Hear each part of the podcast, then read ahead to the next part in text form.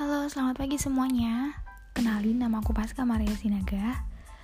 Mohon maaf, suaraku kayak begini karena aku belum tidur seharian. Insomnia berat.